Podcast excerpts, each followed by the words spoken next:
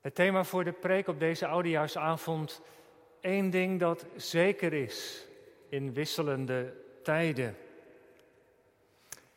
Gemeente van Christus hier in de kerk en thuis.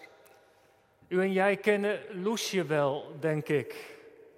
Die witte blaadjes met erop een spreuk die tot nadenken stemt. En daaronder als afzender Loesje of de christelijke variant Visje. Ik kwam de uitspraak van Loesje tegen en die luidt zo. Alles verandert voortdurend. En dat zal altijd wel zo blijven. Alles verandert voortdurend. Ik denk dat we dat allemaal wel zullen herkennen. Of je nu jong bent of ouder. Er is sinds maart door het coronavirus heel veel veranderd. Contact, de gewone omgang met elkaar, afspreken met je vrienden, school, studie, werk. Ineens was alles anders. Die verjaardag, dat jubileum, huwelijk.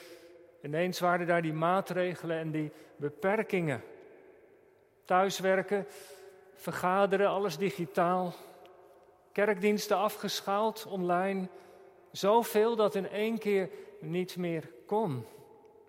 Alles verandert voortdurend.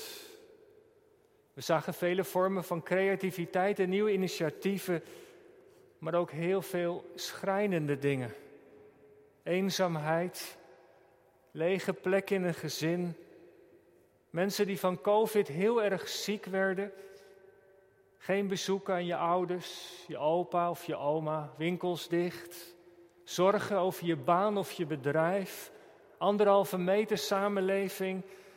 En je kunt je nauwelijks nog voorstellen hoe het was. Als je foto's ziet of oude films, als mensen zo dicht bij elkaar zitten, het voelt zo vreemd.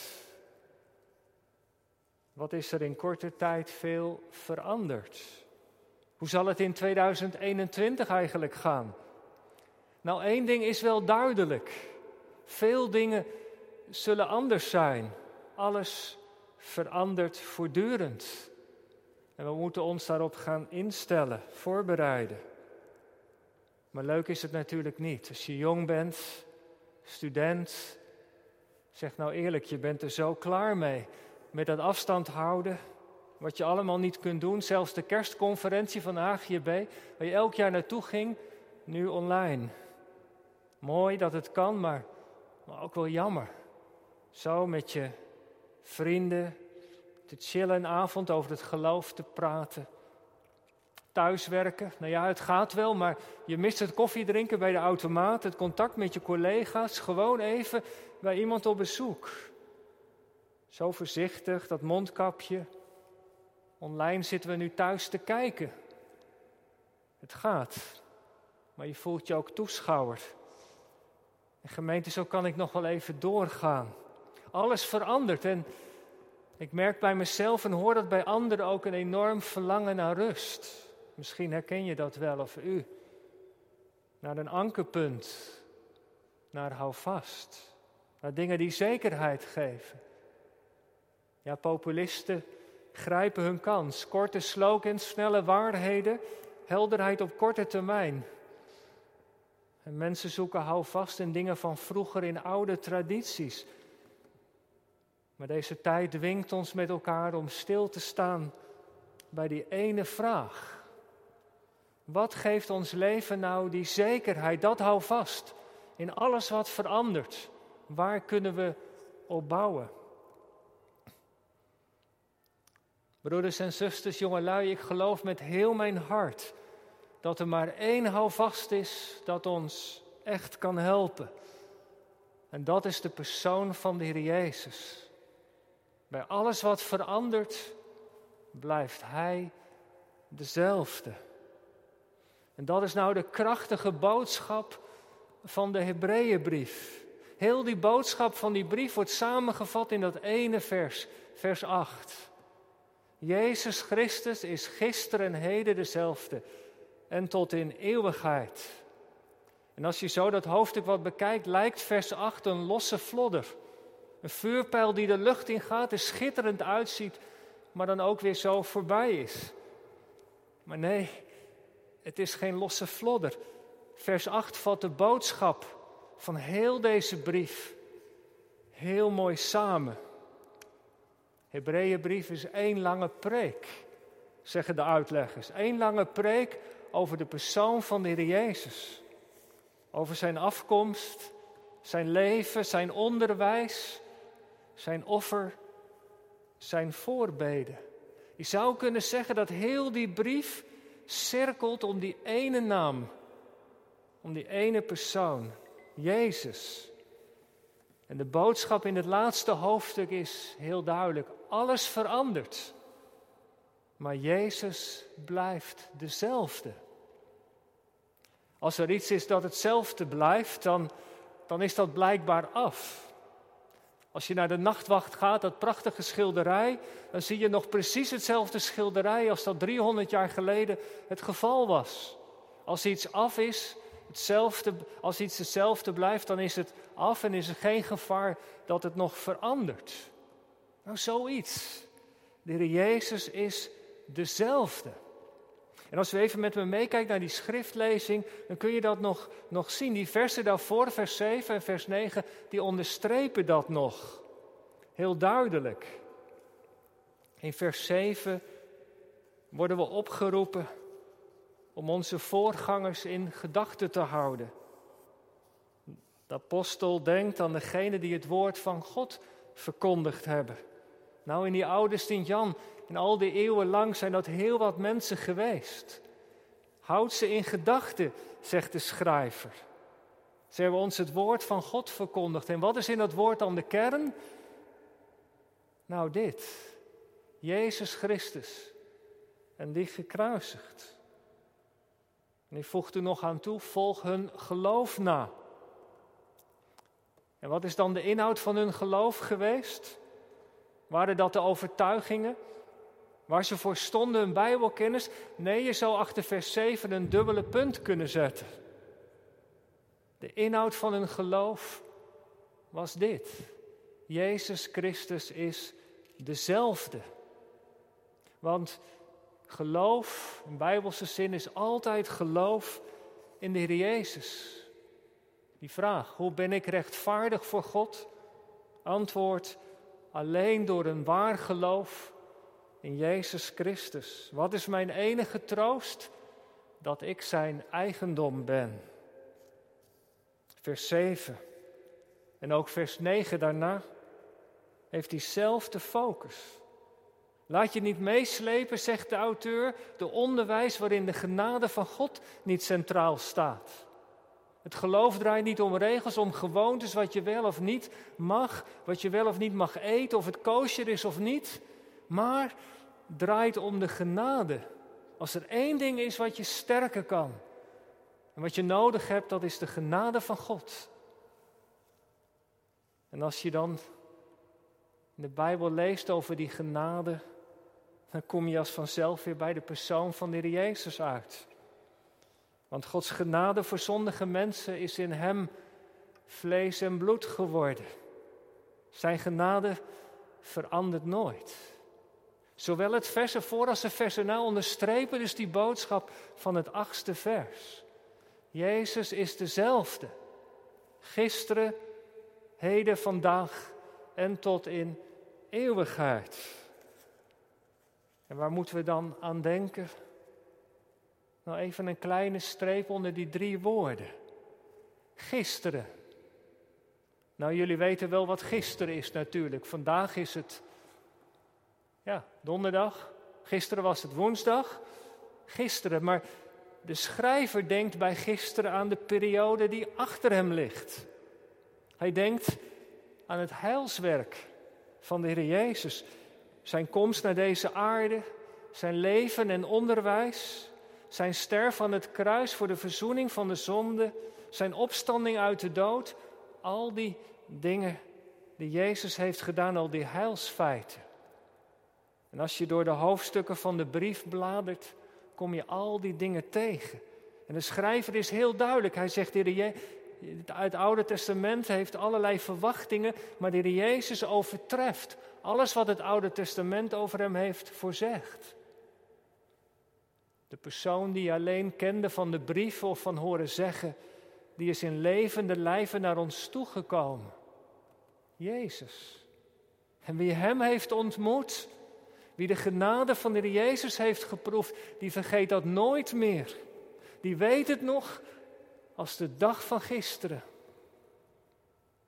Toch?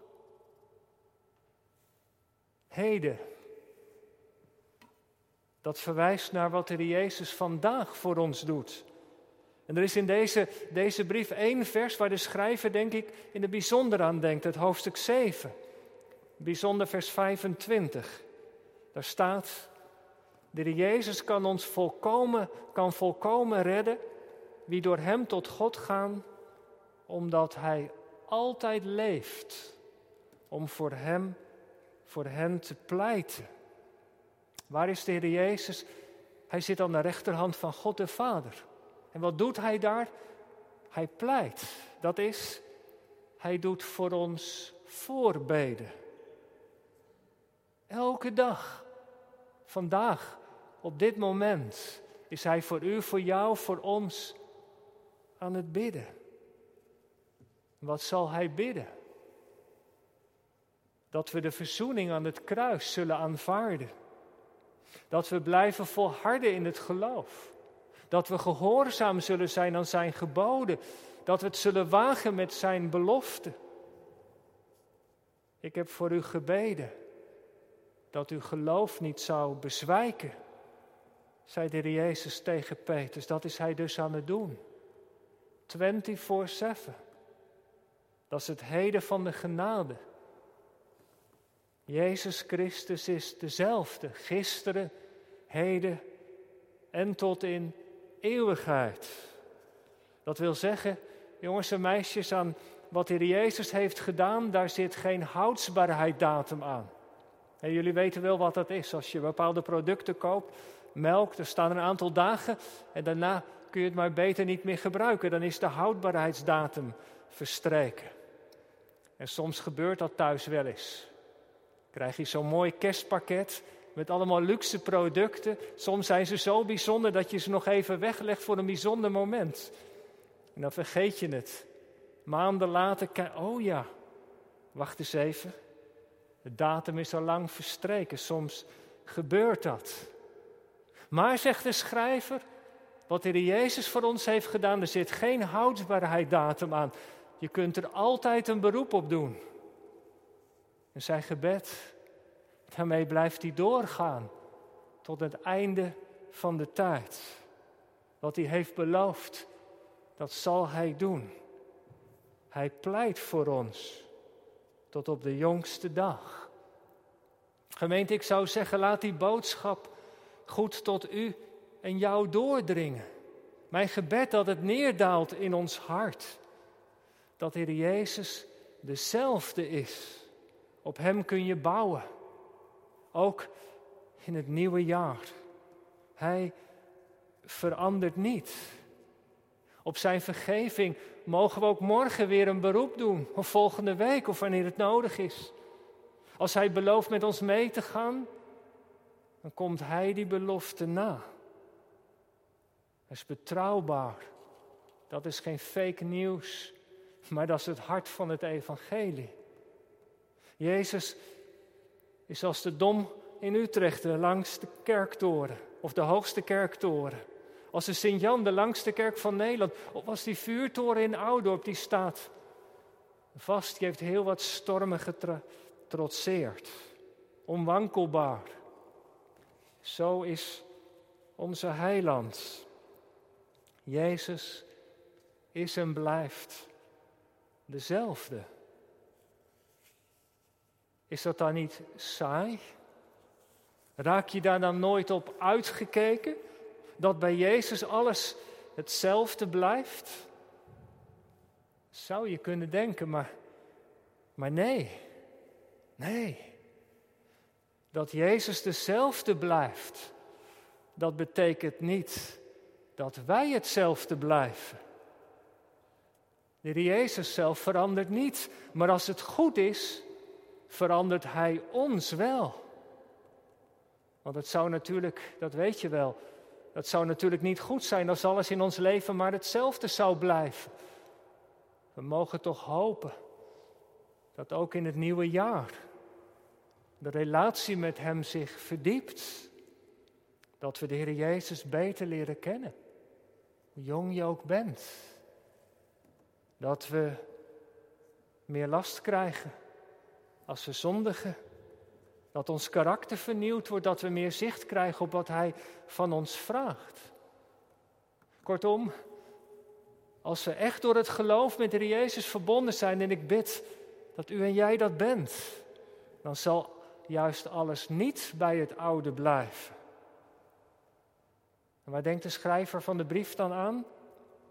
Nou, kijk nog even mee naar de eerste paar versen.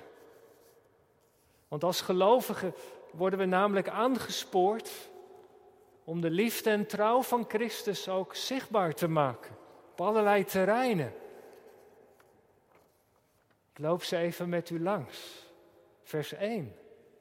Laat de broederliefde blijven. Philadelphia. Blijf als broeders en zusters naar elkaar omzien, zegt de schrijver. Die liefde die we van Christus mogen ontvangen, mogen wij naar elkaar en naar anderen doorgeven. We zijn geliefd in Christus om anderen ook lief te hebben. Of vers 2. Vergeet de gastvrijheid niet. Philoxenia. Letterlijk de liefde tot de vreemdeling. Wees gastvrij voor de mensen die God op je weg plaatst, die hulp nodig hebben. Of vers 3. Denk aan de gevangenen. Philodesmios, de liefde voor de gevangenen. Christus wil dat we hen niet aan hun lot overlaten. Mooi. Dat er broeders en zusters in de gemeente zijn die betrokken zijn bij het gevangenenwerk. En de schrijver denkt zeker ook aan mensen die gevangen zitten vanwege hun geloof, waar Open Door zoveel aandacht voor vraagt. Vergeet ze niet in uw gebed. Probeer op de vervolgde kerk betrokken te zijn. Wij leven in een vrij land, maar dat kan zomaar ook veranderen. Wat vraagt de Heer Jezus nog meer? Vers 4. Wees zuiver in de relaties. Pleeg geen overspel. Christus wil dat de, zijn kerk zich daarin onderscheidt. Dat ze op het terrein van relaties en seksualiteit zuiver is en voorbeeldig leeft. Vers 5. Laat je niet beheersen door het geld. Letterlijk, wees geen liefhebber van geld, maar wees tevreden met wat je hebt. Ook daarin onderscheiden we ons als christen als het goed is.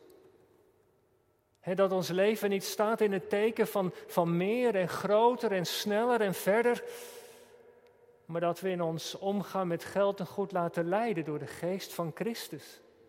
En ons laten corrigeren door het woord. Dat God over mij mag beschikken en over alles wat ik heb. Vijf aansporingen die Christus ons geeft. Jazeker, Hij blijft dezelfde in wie Hij voor ons is. Maar Hij blijft ook dezelfde in wat Hij van ons vraagt. Namelijk om op al die terreinen die de schrijver nu noemt, vanuit Zijn genade en liefde te leven, trouw te zijn vrijgevig. En dat is wat onze heiland van ons vraagt. Elke dag. En ook in het nieuwe jaar. Wat zou het mooi zijn als we op al deze terreinen persoonlijk en als gemeente zouden groeien. In deze tijd van corona. In de stad, in ons netwerk, in de buurt, in het werk, in je vriendengroep om daarin de liefde van Christus concreet te maken. En daarin trouw te zijn. Ik weet niet of je het hebt gevolgd of u. De laatste dagen was de stad Pompeii weer in het nieuws. In de opgraving is een soort restaurant gevonden. Ik weet niet of u het heeft gelezen. Maar u weet dat deze stad verwoest is door de uitbarsting van de Vesuvius. En in een van de opgravingen is ook een Romeinse wachtpost gevonden. Hij stond bij de poort van de stad en die had zijn wapenrusting nog aan. En toen de aarde beefde, de vulkaan uitbarstte en de stad de stad bedekte, bleef hij op zijn post. Trouw tot het einde. Dat is wat een christen doet. Totdat Jezus komt. Is dat makkelijk? Nee, dat is het niet. Zeker niet in deze tijd. Misschien heeft u of jij je handen wel vol met overleven. Met alles in het gezin draaiende houden. Of op je werk. Veel energie voor andere dingen blijft er misschien niet over. Je bent blij dat je weer wat toekomt aan studie misschien. Of je staat er thuis alleen voor. Nou ja, zo zijn er wel meer dingen te noemen. Makkelijk is het niet wat God van ons vraagt. Maar weet u, weet je wat ik nou zo bijzonder vind? Dat de Heer Jezus wist dat deze opdracht niet gemakkelijk was. En daarom staat er in het Bijbelgedeelte ook een hele krachtige belofte. Kijk maar even mee. Hij geeft aan de broeders en zusters voor wie hij de brief schrijft de bemoediging mee die Jozua kreeg. Jozua aan het begin van een nieuwe taak. Hij mocht het volk in het beloofde land brengen. Een nieuw avontuur. Hij wist niet hoe de toekomst zou zijn. Maar God zei tegen hem: Ik zal je beslist niet loslaten en je beslist niet verlaten. Wat is dat een krachtig woord? Voor een nieuwe fase, maar ook voor een nieuw jaar. En de schrijver vervolgt. Daarom zeggen wij met goede moed: De Heere is voor mij een helper. Ik zal niet vrezen. Wat zal een mens mij doen? Broeders en zusters, neem deze belofte mee het nieuwe jaar in. We hoeven niet bang te zijn voor wat komen gaat. Want Jezus Christus is gisteren en heden dezelfde. En tot in eeuwigheid. En daar kunnen we het mee doen. Ook in het nieuwe jaar. Halleluja. Amen.